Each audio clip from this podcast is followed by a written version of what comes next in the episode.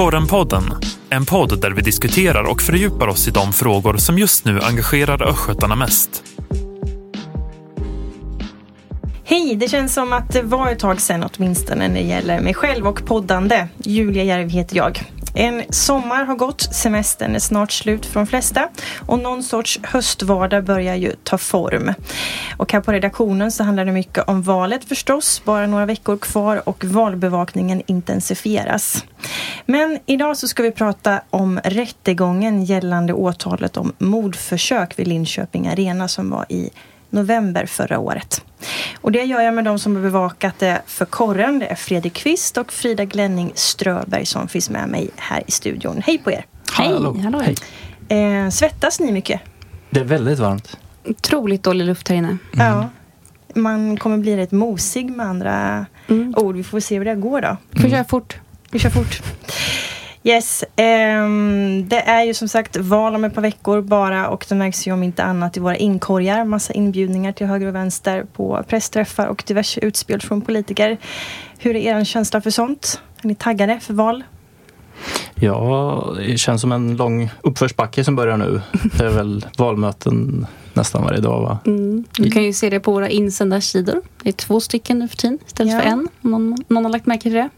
Det låter inte Fredrik som att du är så jätteförtjust. Jo då, ja, det, man är kluven. Man kommer säkert vara lite utarbetad där i mitten av september men det är ju spännande också. Det är ju rätt viktigt faktiskt mm. vad som sker. Det är ju det. Ja. Är det något som eh, ni särskilt gillar att bevaka när det kommer till politiken? Någon fråga men eller så? valdagen är ju kul. Då ni är ute och live-rapporterar. Mm. Det... Mm. Det, det, är puls den dagen. Mm. Det är tradition. Nästan alla journalister som är anställda på kåren får jobba den dagen. Så det är ett eh, stort tryck och det ska gå snabbt och många bollar i luften. Men det brukar vara rätt så kul. Ni var ute båda på lokal förra valet va? Mm. Mm. Det känns så länge sedan. Då var jag precis färsk här. Jag var på Vänsterpartiets valvakt, kom ihåg. Mm. Var görnervös. Och du blev succé? Succé för Det vet jag inte, men för jag överlevde.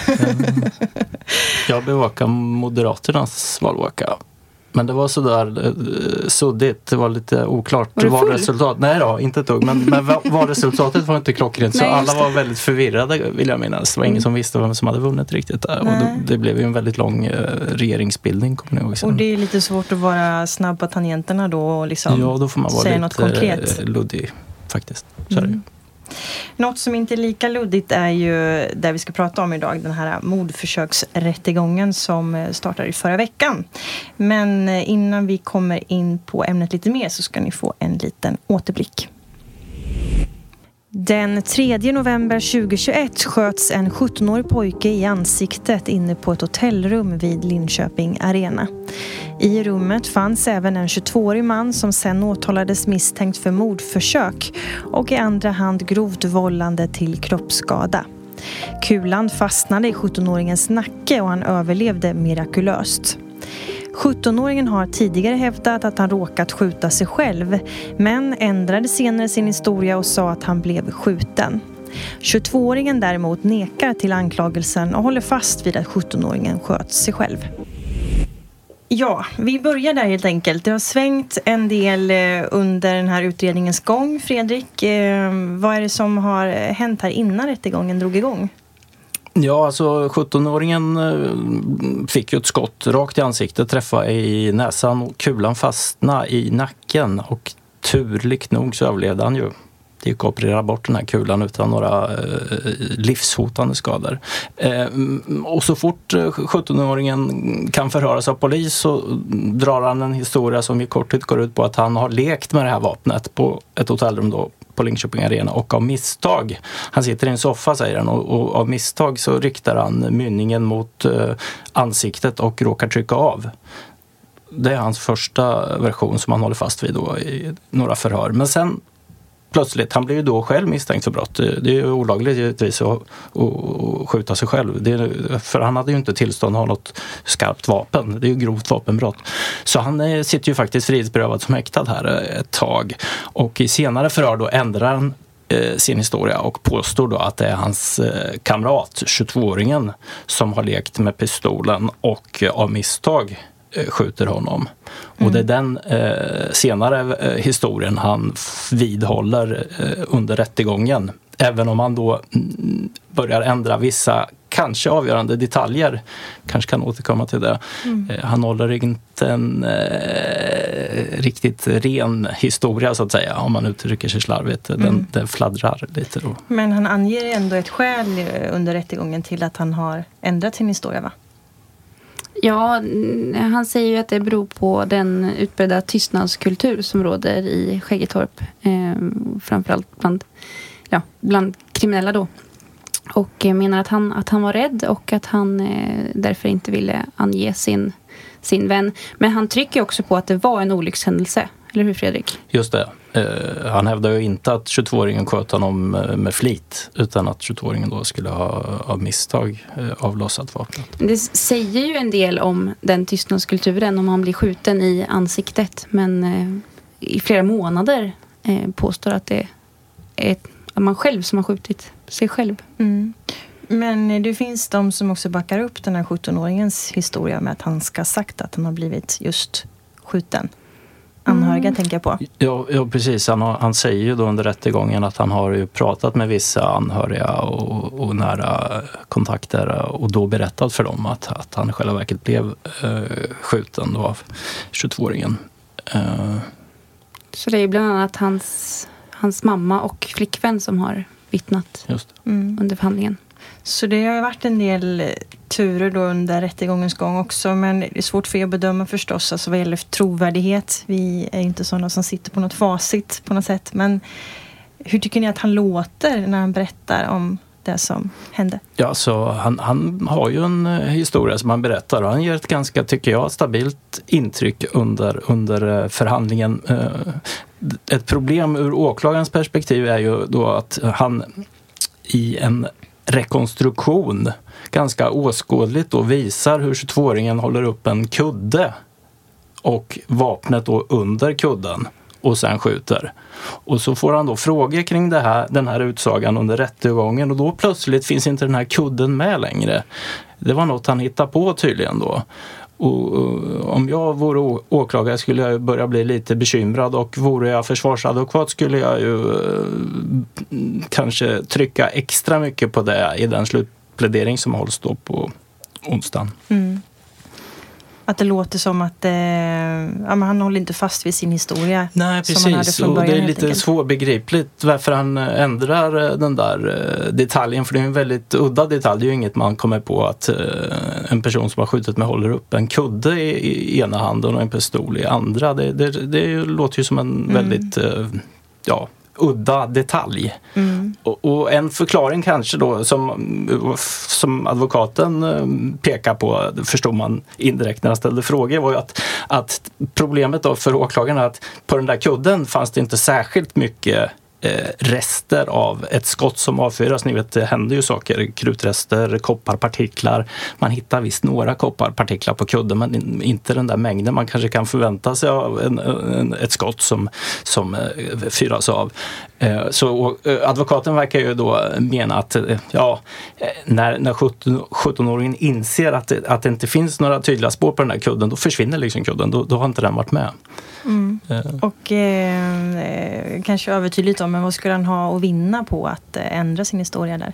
Ja, om, om 17-åringen nu vill att eh, 22-åringen ska, ska straffas för att ha skjutit honom så, så, så eh, insåg han kanske, nu vet jag spekulerar här, men, men han kanske insåg att det ser inte så bra ut att han, att han har en, eh, en detalj om den här kudden men det finns liksom inga tydliga tekniska eh, spår på kudden. Ehm, men jag vet ju inte hur 17-åringen har resonerat. Eh, det kanske bara är mänskligt att man, man kanske minns eh, saker annorlunda när det har gått månader. Jag vet mm. inte. Vad vet vi om de här personerna då? De är inte helt okända för polisen sedan tidigare och så. Vad har de för relation och bakgrund? De säger ju att, eh, att de är vänner. Båda två säger det. Det har egentligen inte backats upp av några vittnen. Men båda vidhåller det. Och sen var det ju eh, två poliser under eh, förhandlingen som eh, har jobbat i Skäggetorp och som känner igen båda de här killarna. Och poliserna berättar att den åtalade 22-åringen har haft en högre ställning i eh, det kriminella gänglivet. Och den här 17-åringen eh, då har agerat mer som en citat springpojke. Um, Mm. Mm. Och det intryck man har fått under eh, rättegången, det, bägge de två inblandade verkar ju vara överens om att de, de, de har haft en fin vänskapsrelation. Eh, eh, så det kan man väl konstatera att det har ju inte framkommit något som helst rimligt motiv för att 22-åringen med flit skulle ha skjutit sin kompis. Det är ingen av de inblandade som påstår mm. att det mm. skulle funnits liksom något motiv, någon hämnd eller någon bestraffning eller så. Och åklagaren hon påstår ju att eh, 22-åringen i första hand då ska dömas för försök till mord. Och det är ju ett brott man så att säga begår med flit, med uppsåt då.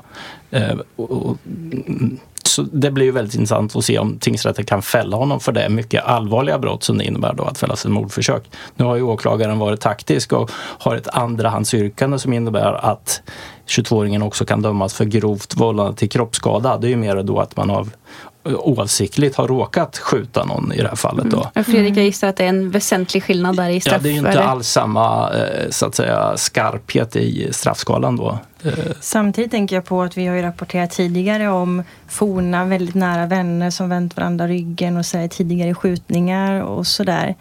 Jag tänker att inget behöver utesluta det andra såklart. Så även om inte vi vet vad som egentligen hände och så. Men den här maktstrukturen som finns inom gängen som du bevakat mycket Fredrik, eh, det här med hierarki och så. Eh, hur tydlig är den? Det har pratats om springpojke och någon som har klättrat lite Ställdes högre. ställdes faktiskt en hel del frågor på det temat till de här två poliserna som vittnade.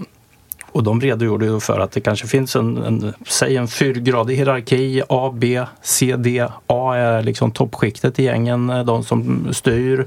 Eh, B, de, de, är ganska högt upp i hierarkin och kanske är fullvärdiga medlemmar som i det här fallet X-Teams då, en undergrupp till Bandidos. C är lite längre ner på skalan och, och, och, och D där har vi kanske 17-åringen då, eh, så kallad springpojke, kanske får utföra de mer lite enkla sysslorna, eh, leverera narkotika. De som egentligen eh, löper störst risk kanske att ertappas av polis på bar gärning när de begår ett brott. A och B-kategorin kanske inte så att säga är så fullt synliga med, med sin kriminalitet. Det var väl så att polisen också placerade den här 22-åringen i B-laget? B ja.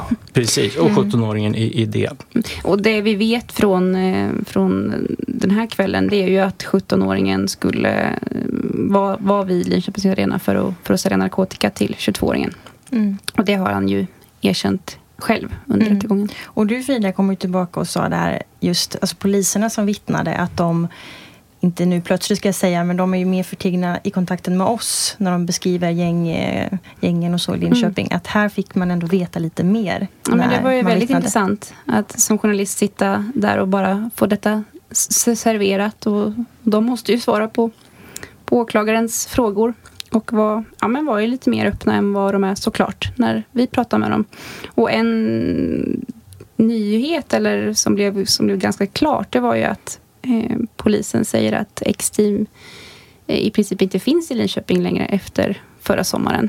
Mm. Och vi vet ju, vi har ju publicerat artiklar om det, att det var ju något som hände efter mordet på den här gängledaren på kolgrillen i Skäggetorp, han som avrättades. Bandidos-medlemmen. Ja, precis. Och det styrks ju av, av, av det här, av, som poliserna säger då. Och den här 22-åringen som nu är aktuell här är väl också kopplad till den händelsen som du nämner? Han satt ju eh, på eh, den här restaurangen i Skäggetorps centrum när eh, den här 30-åriga Bandidos-medlemmen blev ihjälskjuten. Så han, han var ju ett åsyna vittne där, så att säga.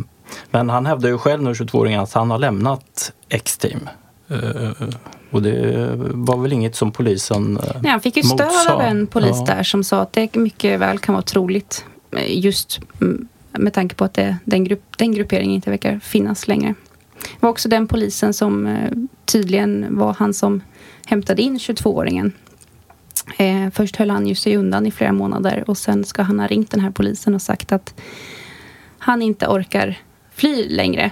Eh, och då åkte den här polisen och eh, ja, hämtade upp honom i, i Skäggetorp centrum utan någon någon dramatik. Där han satt och åt då, 22-åringen och polismannen eh, berättade att han hade tillåtit honom att eh, äta upp Så det var, det var ju knappast något dramatiskt Nej. eh, Mm. gripande. Har man väntat i några månader så kanske man kan få tugga ur också. Eh, Eh, men går det att säga någonting om hur hänger det här ihop med andra skjutningar i Linköping? Vet vi något? Det är ju det stora mysteriet tycker jag och som inte egentligen har, har eh, diskuterats under rättegången. Eh, nämligen frågan varför de här två unga killarna har ett vapen. Någon har ju tagit med sig vapnet. De skyller ju på varandra även i den delen så att säga. Men vad, varför har man ett modifierat start och gasvapen med en ljuddämpare i ett hotellrum den 3 november förra året? Mm. Vad skulle vapnet användas till? Det var ju knappast tänkt som en leksak då som eh, spårade ur det som de här två påstår. Men jag minns från november, Fredrik, det var väl du och jag som var på pressträffen efteråt, att redan då sa ju polisen att det här är en händelse som skiljer sig från våra tidigare skjutningar. För både du och jag var ju jätte på tårna och det pågick ett gängkrig Mm. här i Linköping. Men redan då i ett väldigt tidigt skede sa de ju det att det här är det här tycks inte höra ihop med det andra, sa de då. Det är det som är så egendomligt. Det är ju två, Ja. som det verkar, eh, kompisar som är inblandade. Eh, Ja, Märkligt ändå. Liksom. Alltså, kunde man ge något skäl då till varför det särskilde sig från andra då? Då nämndes det ju att eh, brottsplatsen var ovanlig. De tidigare skjutningarna har ju skett i, i eh, utomhus. Utomhus och f- i våra kanske mer eh, socialt utsatta stadsdelar. eh, Skäggetorp, eh, Ryd, Lambohov, Berga. Det här skedde ju i Kallersta, Linköping Arena, på ett hotell. Så bara det var ju, bröt ju ett mönster. Men, men det, som du säger Frida, det, det de antydde där var ju kanske att det här är ju två från samma sida som, som är inblandade då. Eh, Men jag minns också att vi tidigt där även eh, skrev det här med misstanken om att det var en person som skulle ha skjutit sig själv. Så den uppgiften hade ju vi också väldigt tidigt. Den florerar kanske. Ja, och då tänkte man ju att det var det som gjorde att det särskilde sig Mm. från det andra, tänkte Mm. jag. Men, Mm. Men man slås ju veta. av när man sitter där. I fyra rättegångsdagar kommer det vara nu. Om det nu här var en olyckshändelse mellan två kompisar. Så mycket tid och resurser som, som går åt till detta. Eh, mm, Som bara kanske var dumt. Det vet vi inte än. Men Mm. ja. Vi får väl se vad som händer då. Men sista rättegångsdagen under onsdagen nu, vad händer då? Då eh, ska åklagaren och eh, advokaten hålla sina slutpläderingar. Och eh, åklagaren eh, Britt-Louise Wiklund kommer ju säkert yrka på ett eh, långt fängelsestraff för 22-åringens del. Advokaten David Massi som har lång erfarenhet av att försvara eh, gängkriminella eh, kommer eh, med största sannolikhet att yrka, att han, yrka på att hans klient kommer försättas på fri fot och att han ska frikännas. Och tingsrätten kommer ju då tvingas fatta ett beslut ganska snabbt, kanske redan direkt efter rättegången om eh, 22-åringen ska vara kvar i häkte eller eh, gå ut som en eh, så att säga fri person. Det blir en första indikation på vad, vad rätten lutar åt. Jag föreställer mig att det är en rätt grannlaga uppgift för rättens ledamöter att komma fram till sin dom så småningom När kan man vänta dom? Brukar ju vara kanske två veckor efter eh, avslutad rättegång. Men det kan ibland gå lite snabbare, en vecka kanske. Mm. Bra, tack så mycket för det. I fortsättning följer som sagt under onsdagen med live-rapportering som ni kommer att eh, sköta med också efterspel och uppföljningar förstås på våran sajt. Tips är också att följa det här som vi kallar för storytag. Längst ner under artikeln så ser man ett ämne. Klickar man på den, eh, som i det här fallet heter Skjutningen vid Linköping Arena, då får man tillgång till alla artiklar i samma ämne på samma ställe. Ett litet tips. Ta det lugnt i värmen och ha det så gott så hörs vi. Hej då! Du har lyssnat på Korrenpodden. Ansvarig utgivare Maria Kustvik.